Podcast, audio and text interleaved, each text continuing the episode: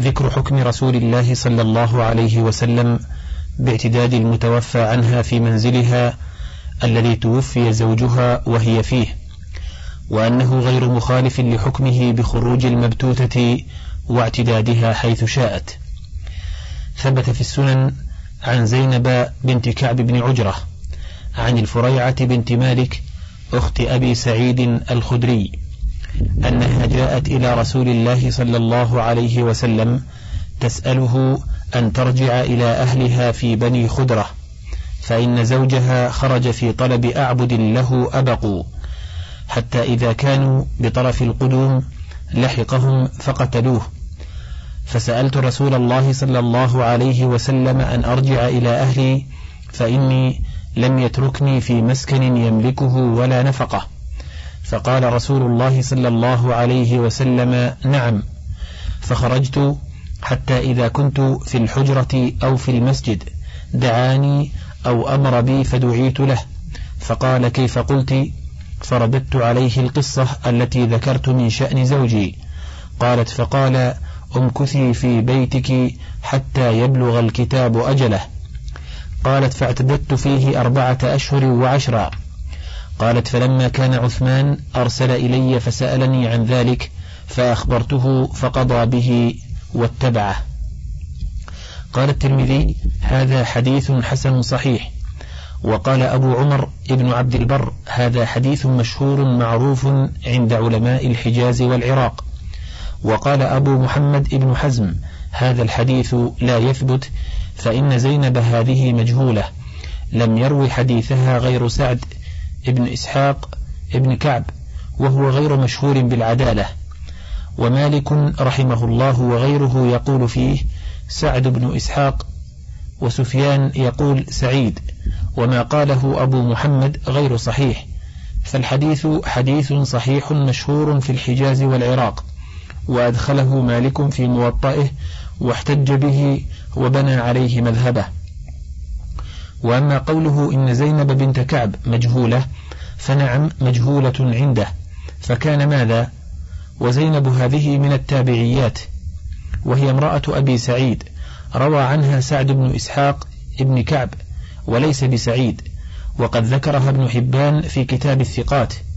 والذي غر أبا محمد قول علي بن المديني لم يروي عنها غير سعد بن إسحاق. وقد روينا في مسند الإمام أحمد حدثنا يعقوب حدثنا أبي عن ابن إسحاق حدثني عبد الله بن عبد الرحمن بن معمر بن حزم عن سليمان بن محمد بن كعب بن عجرة عن عمته زينب بنت كعب بن عجرة وكانت عند أبي سعيد الخدري عن أبي سعيد قال اشتكى الناس عليا رضي الله عنه فقام النبي صلى الله عليه وسلم خطيبا فسمعته يقول يا أيها الناس لا تشكوا عليا فوالله إنه لأخشن في ذات الله أو في سبيل الله. فهذه امرأة تابعية كانت تحت صحابي وروى عنها الثقات ولم يطعن فيها بحرف واحتج الأئمة بحديثها وصححوه. وأما قوله إن سعد بن إسحاق غير مشهور بالعدالة فقد قال إسحاق بن منصور عن يحيى بن معين ثقة. وقال النسائي أيضا والدار قطني أيضا ثقة. وقال أبو حاتم صالح. وذكره ابن حبان في كتاب الثقات. وقد روى عنه الناس حماد بن زيد وسفيان الثوري وعبد العزيز الدراوردي وابن جريج ومالك بن أنس ويحيى بن سعيد الأنصاري والزهري وهو أكبر منه. وحاتم ابن إسماعيل وداود بن قيس وخلق سواهم من الأئمة ولم يعلم فيه قدح ولا جرح البتة ومثل هذا يحتج به اتفاقا.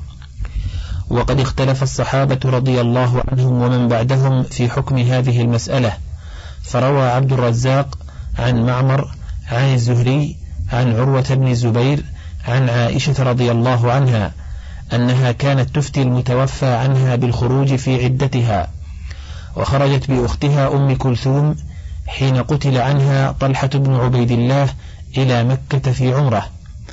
ومن طريق عبد الرزاق أخبرنا ابن جريج أخبرني عطاء عن ابن عباس أنه قال إنما قال الله عز وجل تعتد أربعة أشهر وعشرا ولم يقل تعتد في بيتها فتعتد حيث شاءت. وهذا الحديث سمعه عطاء من ابن عباس فإن علي بن المديني قال حدثنا سفيان بن عيينة عن ابن جريج عن عطاء قال سمعت ابن عباس يقول قال الله تعالى والذين يتوفون منكم ويذرون أزواجا يتربصن بأنفسهن أربعة أشهر وعشرا ولم يقل يعتددن في بيوتهن تعتد حيث شاءت. قال سفيان قاله لنا ابن جريج كما أخبرنا. وقال عبد الرزاق حدثنا ابن جريج أخبرني أبو الزبير أنه سمع جابر بن عبد الله يقول تعتد المتوفى عنها حيث شاءت. وقال عبد الرزاق عن الثوري عن إسماعيل بن خالد عن الشعبي أن علي بن أبي طالب رضي الله عنه كان يرحل المتوفى عنهن في عدتهن. وذكر عبد الرزاق أيضا عن محمد بن مسلم عن عمرو بن دينار عن طاووس وعطاء. قال جميعا المبتوتة والمتوفى عنها تحجان وتعتمران وتنتقلان وتبيتان. وذكر أيضا عن ابن جريج عن عطاء قال لا يضر المتوفى عنها أين اعتدت. وقال ابن عيينة عن عمرو بن دينار عن عطاء وأبي الشعثاء. قال جميعا المتوفى عنها تخرج في عدتها حيث شاءت. وذكر ابن أبي شيبة حدثنا عبد الوهاب الثقفي عن حبيب المعلم قال سألت عطاء عن المطلقة ثلاثة والمتوفى عنها أتحجان في عدتهما؟ قال نعم. وكان الحسن يقول بمثل ذلك. وقال ابن وهب أخبرني ابن لهيعة عن حنين ابن أبي حكيم أن امرأة مزاحم لما توفي عنها زوجها بخناصرة. سألت عمر بن عبد العزيز أأمكث حتى تنقضي عدتي؟ فقال لها بل الحقي بقرارك ودار أبيك فاعتدي فيها. قال ابن وهب وأخبرني يحيى بن أيوب عن يحيى بن سعيد الأنصاري أنه قال في رجل توفي بالإسكندرية ومعه امرأته وله بها دار. وله بالفسطاط دار. فقال إن أحبت أن تعتد حيث توفي زوجها فلتعتد. وإن أحبت أن ترجع إلى دار زوجها وقراره بالفسطاط فتعتد فيها فلترجع. قال ابن وهب وأخبرني عمرو بن الحارث عن بكير بن الأشج. قال سألت سالم بن عبد الله بن عمر عن المرأة يخرج بها زوجها إلى بلد فيتوفى. قال تعتد حيث توفي عنها زوجها أو ترجع إلى بيت زوجها حتى تنقضي عدتها وهذا مذهب أهل الظاهر كلهم. ولأصحاب هذا القول حجتان احتج بهما ابن عباس وقد حكينا إحداهما وهي أن الله سبحانه إنما أمرها باعتداد أربعة أشهر وعشر ولم يأمرها بمكان معين. والثانية ما رواه أبو داود. حدثنا أحمد بن محمد المروزي. حدثنا موسى بن مسعود. حدثنا شبل عن ابن أبي نجيح. قال قال عطاء قال ابن عباس نسخت هذه الآية عدتها عند أهلها فتعتد حيث شاءت وهو قول الله عز وجل غير إخراج. قال عطاء إن شاءت اعتدت عند أهله وسكنت في وصيتها وإن شاءت خرجت لقول الله عز وجل فإن خرجنا فلا جناح عليكم فيما فعلن قال عطاء ثم جاء الميراث فنسخ السكنى تعتد حيث شاءت. وقال طائفة ثانية من الصحابة والتابعين ومن بعدهم تعتد في منزلها التي توفي زوجها وهي فيه. قال وكيع حدثنا الثوري عن منصور عن مجاهد عن سعيد بن المسيب. أن عمر رد نسوة من ذي الحليفة حاجات أو معتمرات توفي عنهن أزواجهن.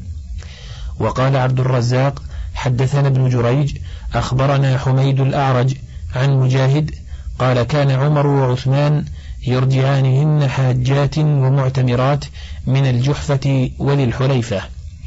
وذكر عبد الرزاق عن معمر عن أيوب عن يوسف بن ماهك عن أمه مسيكة أن امرأة متوفى عنها زارت أهلها في عدتها فضربها الطلق فاتوا عثمان فقال احملوها إلى بيتها وهي تطلق. وذكر أيضا عن معمر عن أيوب عن نافع عن ابن عمر أنه كانت له ابنة تعتد من وفاة زوجها وكانت تأتيهم بالنهار فتتحدث إليهم فإذا كان الليل أمرها أن ترجع إلى بيتها. وقال ابن أبي شيبة حدثنا وكيع عن علي بن المبارك عن يحيى بن أبي كثير عن محمد بن عبد الرحمن بن ثوبان أن عمر رخص للمتوفى عنها أن تأتي أهلها بياض يومها وأن زيد بن ثابت لم يرخص لها إلا في بياض يومها أو ليلها. وذكر عبد الرزاق عن سفيان الثوري عن منصور بن المعتمر عن إبراهيم النخعي عن علقمة قال سأل ابن مسعود نساء من همدان نعي إليهن أزواجهن فقلن إنا نستوحش. فقال ابن مسعود تجتمعن بالنهار ثم ترجع كل امرأة منكن إلى بيتها بالليل. وذكر الحجاج بن منهال حدثنا أبو عوانة عن منصور عن إبراهيم أن امرأة بعثت إلى أم سلمة أم المؤمنين رضي الله عنها إن أبي مريض وأنا في عدة أفآتيه أمرضه؟ قالت نعم ولكن بيتي أحد طرفي الليل في بيتك. وقال سعيد بن منصور حدثنا هشيم أنبأنا إسماعيل بن أبي خالد عن الشعبي أنه سئل عن المتوفى عنها أتخرج في عدتها؟ فقال كان أكثر أصحاب ابن مسعود أشد شيء في ذلك يقولون لا تخرج وكان الشيخ يعني علي بن أبي طالب رضي الله عنه يرحلها. وقال حماد بن سلمة أخبرنا هشام بن عروة أن أباه قال المتوفى عنها زوجها تعتد في بيتها إلا أن ينتوي أهلها فتنتوي معهم. وقال سعيد بن منصور حدثنا هشيم أخبرنا يحيى بن سعيد. هو الأنصاري أن القاسم بن محمد وسالم بن عبد الله وسعيد بن المسيب قالوا في المتوفى عنها لا تبرح حتى تنقضي عدتها. وذكر أيضا عن ابن عيينة عن عمرو بن دينار عن عطاء وجابر كلاهما قال في المتوفى عنها لا تخرج. وذكر وكيع عن الحسن بن صالح عن المغيرة عن إبراهيم في المتوفى عنها لا بأس أن تخرج بالنهار ولا تبيت عن بيتها. وذكر حماد بن زيد عن أيوب السختياني عن محمد بن سيرين أن امرأة توفي عنها زوجها وهي مريضة فنقلها أهلها ثم سألوا فكلهم يأمرهم أن ترد إلى بيت زوجها. قال ابن سيرين فرددناها في نمط وهذا قول الإمام أحمد ومالك والشافعي وأبي حنيفة رحمهم الله وأصحابهم والأوزاعي وأبي عبيد وإسحاق. قال أبو عمر ابن عبد البر وبه يقول جماعة فقهاء الأمصار بالحجاز والشام والعراق ومصر.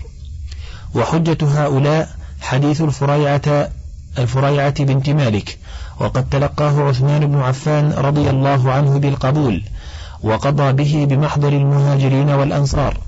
وتلقاه أهل المدينة والحجاز والشام والعراق ومصر بالقبول ولم يعلم أن أحدا منهم طعن فيه ولا في رواته.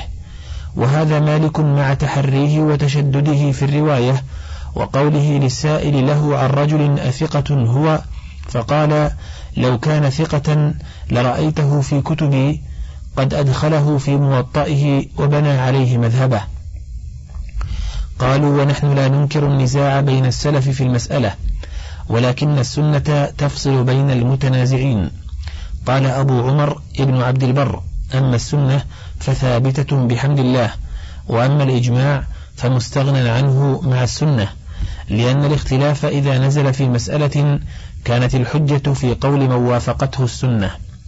وقال عبد الرزاق أخبرنا معمر عن الزهري قال أخذ المترخصون في المتوفى عنها بقول عائشة رضي الله عنها وأخذ أهل العزم والورع بقول ابن عمر.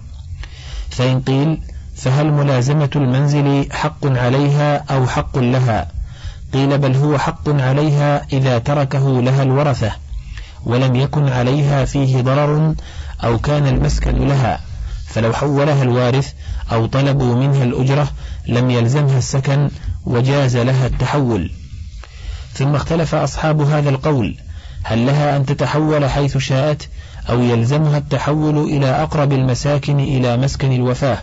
على قولين فإن خافت هدما أو غرقا أو عدوا أو نحو ذلك أو حولها صاحب المنزل لكونه عارية رجع فيها أو بإجارة انقضت مدتها أو منعها السكنى تعديا أو امتنع من إجارته أو طلب به أكثر من أجر المثل أو لم تجد ما تكتري به أو لم تجد إلا من مالها فلها أن تنتقل لأنها حال عذر. ولا يلزمها بذل أجر المسكن وإنما الواجب عليها فعل السكنى لا تحصيل المسكن وإذا تعذرت السكنى سقطت وهذا قول أحمد والشافعي. فإن قيل فهل الإسكان حق على الورثة تقدم الزوجة به على الغرماء وعلى الميراث أم لا حق لها في التركة سوى الميراث؟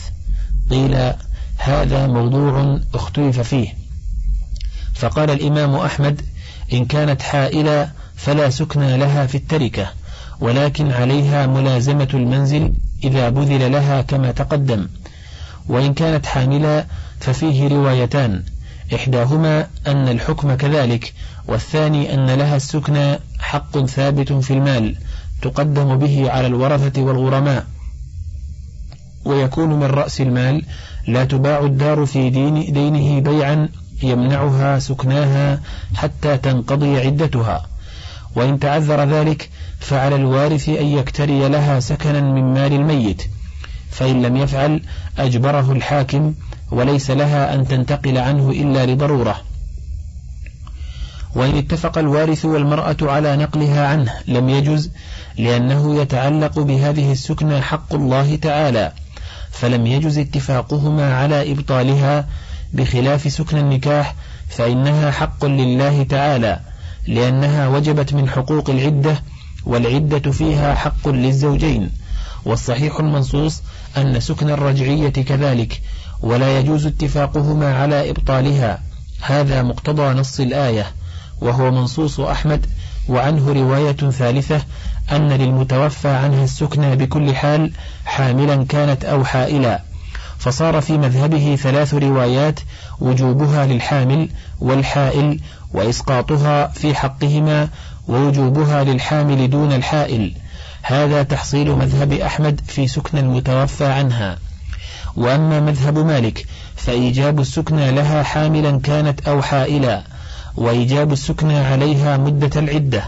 قال أبو عمر فإذا كان المسكن بكراء فقال مالك هي أحق بسكناه من الورثة والغرماء وهو من رأس مال المتوفى إلا أن يكون في عقد لزوجها وأراد أهل المسكن إخراجها وإذا كان المسكن لزوجها لم يبع في دينه حتى تنقضي عدتها انتهى كلامه. وقال غيره من أصحاب مالك هي أحق بالسكنى من الورثة والغرماء إذا كان الملك للميت أو كان قد أدى كراءه وإن لم يكن قد أدى ففي التهذيب لا سكن لها في مال الميت وإن كان موسرا. وروى محمد عن مالك الكراء لازم للميت في ماله ولا تكون الزوجة أحق به وتحاص الورثة في السكنى وللورثة إخراجها إلا أن تحب أن تسكن في حصتها وتؤدي كراء حصتهم. وأما مذهب الشافعي فإن له في سكن المتوفى عنها قولين. أحدهما لها السكنى حاملا كانت أو حائلا والثاني لا سكنى لها حاملا كانت أو حائلا ويجب عنده ملازمتها للمسكن في العدة بائنا كانت أو متوفى عنها. وملازمة البائن للمنزل عنده آكد من ملازمة المتوفى عنها. فإنه يجوز للمتوفى عنها الخروج نهارا لقضاء حوائجها ولا يجوز ذلك في البائن فجاز في أحد قوليه وهو القديم ولا يوجبه في الرجعية بل يستحبه. وأما أحمد فعنده ملازمة المتوفى عنها آكد من الرجعية ولا يوجبه في البائن وأورد أصحاب الشافعي رحمه الله على نصه بوجوب ملازمة المنزل على المتوفى عنها مع نصه في أحد القولين على أنه لا سكن لها سؤالا. وقالوا كيف يجتمع النصان؟ وأجابوا بجوابين أحدهما أنه لا تجب عليها ملازمة المسكن على ذلك القول لكن لو ألزم الوارث أجرة المسكن ألزم بذلك وجبت عليها الملازمة حينئذ وأطلق أكثر أصحابه الجواب هكذا. والثاني أن ملازمة المنزل واجبة عليها ما لم يكن عليها فيه ضرر بأن تطالب بالأجرة أو يخرجها الوارث أو المالك فتسقط حينئذ. وأما أصحاب أبي حنيفة فقالوا لا يجوز للمطلقة الرجعية ولا للبائن الخروج من بيتها ليلا ولا نهارا. وأما المتوفى عنها فتخرج نهارا وبعض الليل ولكن لا تبيت في منزلها. قالوا والفرق أن المطلقة نفقتها في مال زوجها فلا يجوز لها الخروج كالزوجة. بخلاف المتوفى عنها فإنها لا نفقة لها فلا بد أن تخرج بالنهار لإصلاح حالها. قالوا وعليها أن تعتد في المنزل الذي يضاف إليها بالسكنى حال وقوع الفرقة.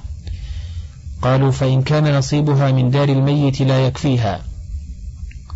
أو أخرجها الورثة من نصيبهم انتقلت لأن هذا عذر والكون في بيتها عبادة والعبادة تسقط بالعذر.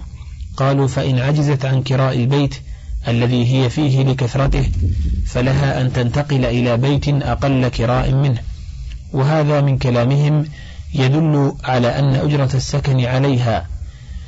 وإنما يسقط السكن عنها لعجزها عن أجرته ولهذا صرحوا بأنها تسكن في نصيبها من التركة إن كفاها وهذا لأنه لا سكن عندهم للمتوفى عنها حاملا كانت أو حائلا وإنما عليها أن تلزم مسكنها الذي توفي زوجها وهي فيه ليلا لا نهارا فإن بذله لها الورثة وإلا كانت الأجرة عليها فهذا تحرير مذاهب الناس في هذه المسألة ومأخذ الخلاف فيها وبالله التوفيق. ولقد أصاب فريعة بنت مالك في هذا الحديث نظير ما أصاب فاطمة بنت قيس في حديثها. فقال بعض المنازعين في هذه المسألة لا ندع كتاب ربنا لقول امرأة فإن الله سبحانه إنما أمرها بالاعتداد أربعة أشهر وعشرا ولم يأمرها بالمنزل وقد أنكرت عائشة أم المؤمنين رضي الله عنها وجوب المنزل وأفتت المتوفى عنها بالاعتداد حيث شاءت كما أنكرت حديث فاطمة بنت قيس وأوجبت السكن للمطلقة. وقال بعض من نازع في حديث الفريعة قد قتل من الصحابة رضي الله عنهم على عهد رسول الله صلى الله عليه وسلم خلق كثير يوم أحد ويوم بئر معونة ويوم مؤتة وغيرها واعتد أزواجهم بعدهم فلو كان كل امرأة منهن تلازم منزلها زمن العدة لكان ذلك من أظهر الأشياء وأبينها بحيث لا يخفى على من هو دون ابن عباس وعائشة. فكيف خفي هذا عليهما وعلى غيرهما من الصحابة الذين حكى أقوالهم مع استمرار العمل به استمرارا شائعا؟ هذا من أبعد الأشياء ثم لو كانت السنة جارية بذلك لم تأتي الفريعة تستأذنه صلى الله عليه وسلم أن تلحق بأهلها ولما أذن لها في ذلك. ثم يأمر بردها بعد ذهابها ويأمرها بأن تمكث في بيتها. فلو كان ذلك أمرا مستمرا ثابتا لكان قد نسخ بإذنه لها في اللحاق بأهلها. ثم نسخ ذلك الإذن بأمره لها بالمكث في بيتها فيفضي إلى تغيير الحكم مرتين وهذا لا عهد لنا به في الشريعة في موضع متيقن. قال الآخرون ليس في هذا ما يوجب رد هذه السنة الصحيحة الصريحة التي تلقاها أمير المؤمنين عثمان بن عفان وكابر الصحابة بالقبول ونفذها عثمان وحكم بها. ولو كنا لا نقبل رواية النساء عن النبي صلى الله عليه وسلم لذهبت سنن كثيرة من سنن الإسلام لا يعرف أنه رواها عنه إلا النساء. وهذا كتاب الله ليس فيه ما ينبغي وجوب الاعتداد في المنزل حتى تكون السنة مخالفة له بل غايتها أن تكون بيانا لحكم سكت عنه الكتاب. ومثل هذا لا ترد به السنن وهذا الذي حذر منه رسول الله صلى الله عليه وسلم بعينه أن تترك السنة إذا لم يكن نظير حكمها في الكتاب. وأما ترك أم المؤمنين رضي الله عنها لحديث الفريعة فلعله لم يبلغها ولو بلغها فلعلها تأولته ولو لم تتأوله فلعله قام عن عندها معارض له وبكل حال فالقائلون به في تركهم لتركها لهذا الحديث أعذر من التاركين له لترك أم المؤمنين له. فبين التركين فرق عظيم. وأما من قتل مع النبي صلى الله عليه وسلم ومن مات في حياته فلم يأت قط أن نساءهم كن يعتددن حيث شئن. ولم يأت عنهن ما يخالف حكم حديث فريعة البتة. فلا يجوز ترك السنة الثابتة لأمر لا يعلم كيف كان ولو علم أنهن كن يعتدين حيث شئن ولم يأت عنهن ما يخالف حكم حديث الفريعة فلعل ذلك قبل استقرار هذا الحكم وثبوته حيث كان الأصل براءة الذمة وعدم الوجوب. وقد ذكر عبد الرزاق عن ابن جريج عن عبد الله بن كثير قال قال مجاهد استشهد رجال يوم أحد فجاء نساؤهم إلى رسول الله صلى الله عليه وسلم فقلنا إنا نستوحش يا رسول الله بالليل فنبيت عند إحدانا حتى إذا أصبحنا تبددنا في بيوتنا. فقال رسول الله صلى الله عليه وسلم تحدثن عند إحداكن ما بدا لكن فإذا أردتن النوم فلتأب كل امرأة إلى بيتها. هذا وإن كان مرسلا فالظاهر أن مجاهدا إما أن يكون سمعه من تابعي ثقة أو من صحابي والتابعون لم يكن الكذب معروفا فيهم وهم ثاني القرون المفضلة. وقد شاهدوا أصحاب رسول الله صلى الله عليه وسلم وأخذوا العلم عنهم وهم خير الأمة بعدهم فلا يظن بهم الكذب على رسول الله صلى الله عليه وسلم ولا الرواية عن الكذابين. ولا سيما العالم منهم إذا جزم على رسول الله صلى الله عليه وسلم بالرواية وشهد له بالحديث فقال قال رسول الله صلى الله عليه وسلم وفعل رسول الله صلى الله عليه وسلم وأمر ونهى. فيبعد كل البعد أن يقدم على ذلك مع كون الواسطة بينه وبين رسول الله صلى الله عليه وسلم كذابا أو مجهولا. وهذا بخلاف مراسيل من بعدهم فكلما تأخرت القرون ساء الظن بالمراسيل ولم يشهد بها على رسول الله صلى الله عليه وسلم أحد.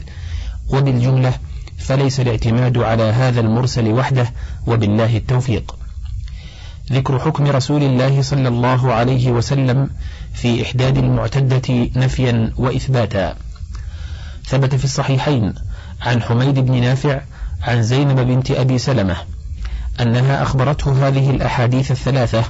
قالت زينب دخلت على أم حبيبة رضي الله عنها زوج النبي صلى الله عليه وسلم حين توفي أبوها أبو سفيان. فدعت أم حبيبة رضي الله عنها بطيب فيه صفرة خلوق أو غيره. فدهنت منه جارية ثم مست بعارضيها.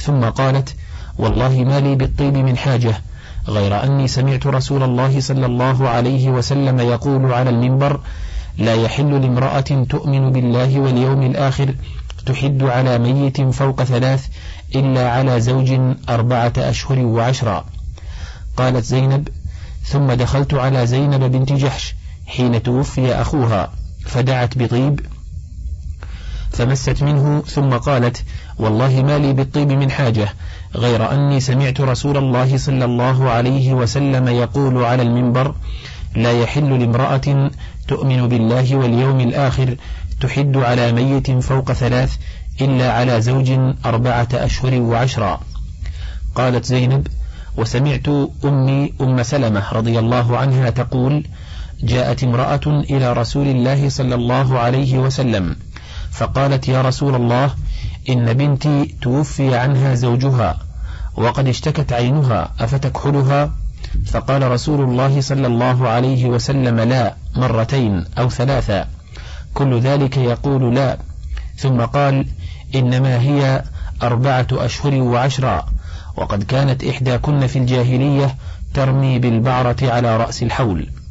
فقالت زينب كانت المرأة إذا توفي عنها زوجها دخلت حفشا ولبست شر ثيابها ولم تمس طيبا ولا شيئا حتى يمر بها سنة. ثم تؤتى بدابة حمار أو شاة أو طير فتفتض به فقلما تفتض بشيء إلا مات.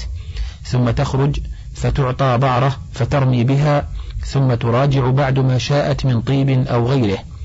قال مالك تفتض تمسح به جلدها.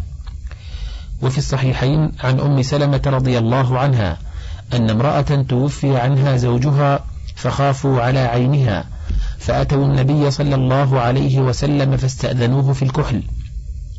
فقال رسول الله صلى الله عليه وسلم قد كانت إحداكن تكون في شر بيتها أو في شر أحلاسها في بيتها حولا فإذا مر كلب رمت ببعرة فخرجت أفلا أربعة أشهر وعشرا وفي الصحيحين عن أم عطية الأنصارية رضي الله عنها أن رسول الله صلى الله عليه وسلم قال لا تحد المرأة على ميت فوق ثلاث إلا على زوج أربعة أشهر وعشرا ولا تلبس ثوبا مصبوغا إلا ثوب عصب ولا تكتحل ولا تمس طيبا إلا إذا طهرت نبذة من قسط أو أظفار.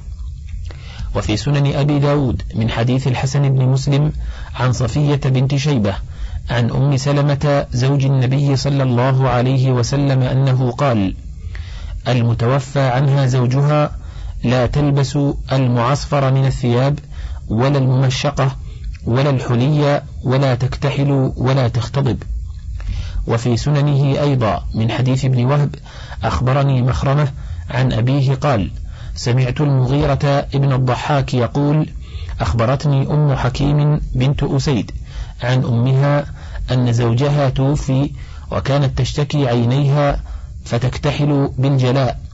قال أحمد بن صالح رحمه الله الصواب بكحل الجلاء فأرسلت مولاة لها إلى أم سلمة رضي الله عنها فسألتها عن كحل الجلاء فقالت لا تكتحلي به إلا من أمر لا بد منه يشتد عليك فتكتحلين بالليل وتمسحينه بالنهار. ثم قالت عند ذلك أم سلمة دخل علي رسول الله صلى الله عليه وسلم حين توفي أبو سلمة وقد جعلت على عيني صبرا. فقال ما هذا يا أم سلمة؟ فقلت إنما هو صبر يا رسول الله ليس فيه طيب. فقال إنه يشب الوجه فلا تجعليه إلا بالليل وتنزعيه بالنهار ولا تمتشطي بالطيب ولا بالحناء فإنه خضاب. قالت قلت بأي شيء أمتشط يا رسول الله؟ قال بالسدر تغلفين به رأسك. وقد تضمنت هذه السنة أحكاما عديدة. أحدها أنه لا يجوز الإحداد على ميت فوق ثلاثة أيام كائنا من كان إلا الزوج وحده. وتضمن الحديث الفرق بين الإحدادين من وجهين. أحدهما من جهة الوجوب والجواز فإن الإحداد على الزوج واجب وعلى غيره جائز. الثاني من مقدار مدة الإحداد فالإحداد على الزوج عزيمة وعلى غيره رخصة. وأجمعت الأمة على وجوبه على المتوفى عنها زوجها إلا ما حكي عن الحسن والحكم بن عتيبة. أما الحسن فروى حماد بن سلمة عن حميد عنه أن المطلقة ثلاثة والمتوفى عنها زوجها تكتحلان وتمتشطان وتطيبان وتختضبان وتنتقلان وتصنعان ما شاءتا. وأما الحكم فذكر عنه شعبة أن المتوفى عنها لا تحد. قال ابن حزم واحتج أهل هذه المقالة. ثم ساق من طريق أبي الحسن محمد بن عبد السلام. حدثنا محمد بن بشار حدثنا محمد بن جعفر حدثنا شعبة حدثنا الحكم بن عتيبة عن عبد الله بن شداد بن الهاد أن رسول الله صلى الله عليه وسلم قال لامرأة جعفر بن أبي طالب إذا كان ثلاثة أيام فالبسي ما شئت أو إذا كان بعد ثلاثة أيام شعبة شك ومن طريق حماد بن سلمة حدثنا الحجاج بن أرطاه عن الحسن بن سعد عن عبد الله بن شداد أن أسماء بنت عميس استأذنت النبي صلى الله عليه وسلم أن تبكي على جعفر وهي امرأته فأذن لها ثلاثة أيام ثم بعث إليها بعد ثلاثة أيام أن تطهري واكتحلي قالوا وهذا ناسخ لأحاديث الإحداد لأنه بعدها فإن أم سلمة رضي الله عنها روت حديث الإحداد وأنه صلى الله عليه وسلم أمرها به إثر موت أبي سلمة. ولا خلاف أن موت أبي سلمة كان قبل موت جعفر رضي الله عنهما. وأجاب الناس عن ذلك بأن هذا حديث منقطع فإن عبد الله بن شداد بن الهاد لم يسمع من رسول الله صلى الله عليه وسلم ولا رآه. فكيف يقدم حديثه على الأحاديث الصحيحة المسندة التي لا مطعن فيها؟ وفي الحديث الثاني الحجاج بن أرطاه ولا يعارض بحديثه حديث الأئمة الأثبات الذين هم فرسان الحديث. فصل. الحكم الثاني أن الإحداد تابع للعدة بالشهور. أما الحامل فإذا انقضى حملها سقط وجوب الإحداد عنها اتفاقا. فإن لها أن تتزوج وتتجمل وتتطيب لزوجها وتتزين له ما شاءت. فإن قيل فإذا زادت مدة الحمل على أربعة أشهر وعشر فهل يسقط وجوب الإحداد أم يستمر إلى حين الوضع؟ قيل بل يستمر الإحداد إلى حين الوضع فإنه من توابع العدة ولهذا قيد بمدتها. وهو حكم من أحكام العدة وواجب من واجباتها فكان معها وجودا وعدما. فصل. الحكم الثالث أن الإحداد تستوي فيه جميع الزوجات المسلمة والكافرة والحرة والأمة والصغيرة والكبيرة. وهذا قول الجمهور أحمد والشافعي ومالك إلا أن أشهب وابن نافع قال لا إحداد على الذمية. ورواه أشهب عن مالك وهو قول أبي حنيفة ولا إحداد عنده على الصغيرة. واحتج أرباب هذا القول بأن النبي صلى الله عليه وسلم جعل الإحداد من أحكام من يؤمن بالله واليوم الآخر فلا تدخل فيه الكافرة ولأنها غير مكلفة بأحكام الفروع. قالوا وعدوله عن اللفظ العام المطلق إلى الخاص المقيد بالإيمان يقتضي أن هذا من أحكام الإيمان ولوازمه وواجباته. فكأنه قال من التزم الإيمان فهذا من شرائعه وواجباته والتحقيق أن نفي حل الفعل عن المؤمنين لا يقتضي نفي حكمه عن الكفار ولا إثبات لهم أيضا. وإنما يقتضي أن من التزم الإيمان وشرائعه فهذا لا يحل له ويجب على كل حال أن يلزم الإيمان وشرائعه ولكن لا يلزمه لا يلزمه الشارع شرائع الإيمان إلا بعد دخوله فيه. وهذا كما لو قيل لا يحل لمؤمن أن يترك الصلاة والحج والزكاة فهذا لا يدل على أن ذلك حل للكافر. وهذا كما قال في لباس الحرير لا ينبغي هذا للمتقين. فلا يدل أنه ينبغي لغيرهم وكذا قوله لا ينبغي للمؤمن أن يكون لعانا. وسر المسألة أن شرائع الحلال والحرام والإيجاب إنما شرعت لمن التزم أصل الإيمان ومن لم يلتزمه وخلي بينه وبين دينه فإنه يخلى بينه وبين شرائع الدين الذي التزمه كما خلي بينه وبين أصله ما لم يحاكم إلينا. وهذه القاعدة متفق عليها بين العلماء ولكن عذر الذين أوجبوا الإحداد على الذمية أنه يتعلق به حق الزوج المسلم وكان من إلزامها به كأصل العدة ولهذا لا يلزمونها به في عدتها من الذمي ولا يتعرض لها فيها. فصار هذا كعقودهم مع المسلمين فإنهم يلزمون فيها بأحكام الإسلام وإن لم يتعرض لعقودهم مع بعضهم بعضا. ومن ينازعهم في ذلك يقولون الإحداد حق لله تعالى. ولهذا لو اتفقت هي والأولياء والمتوفى على سقوطه بأن أوصاها بتركه لم يسقط ولزمها الإتيان به فهو جار مجرى العبادات وليست الذمية من أهلها فهذا سر المسألة. فصل الحكم الرابع أن الإحداد لا يجب على الأمة ولا أم الولد إذا مات سيدهما لأنهما ليس بزوجين. قال ابن المنذر لا أعلمهم يختلفون في ذلك فإن قيل فهل لهما أن تحدى ثلاثة أيام؟ قيل نعم لهما ذلك فإن النص إنما حرم الإحداد فوق الثلاث على غير الزوج وأوجبه أربعة أشهر وعشرة على الزوج فدخلت الأمة وأم الولد في من يحل لهن الإحداد لا في من يحرم عليهن ولا في من يجب. فإن قيل فهل يجب على المعتدة من طلاق أو وطء بشبهة أو زنا أو استبراء إحداد؟ قلنا هذا هو الحكم الخامس الذي دلت عليه السنة أنه لا إحداد على واحدة من هؤلاء لأن السنة أثبتت ونفت فخصت بالإحداد الواجب الزوجات وبالجائز غيرهن على الأموات خاصة وما عداهما فهو داخل في حكم التحريم على الأموات. فمن أين لكم دخوله في الإحداد على المطلقة البائن؟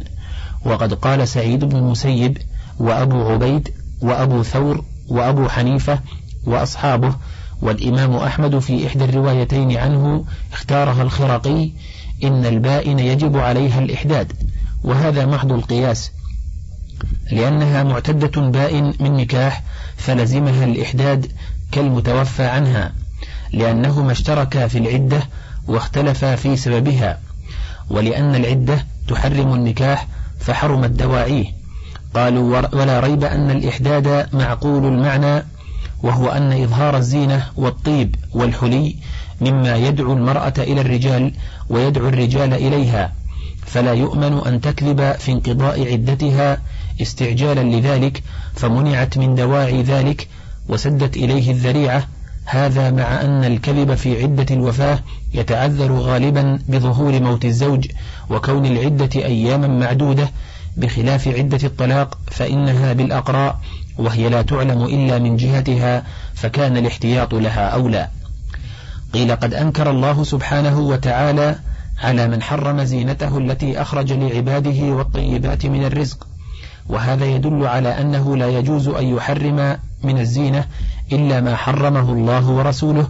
والله سبحانه قد حرم على لسان رسوله صلى الله عليه وسلم زينة الإحداد على المتوفى عنها مدة العدة وأباح رسوله الإحداد بتركها على غير الزوج فلا يجوز تحريم غير ما حرمه بل هو على أصل الإباحة وليس الإحداد من لوازم العدة ولا توابعها. انتهى الشريط الثامن والخمسون من كتاب زاد المعاد وله بقية على الشريط التاسع والخمسين.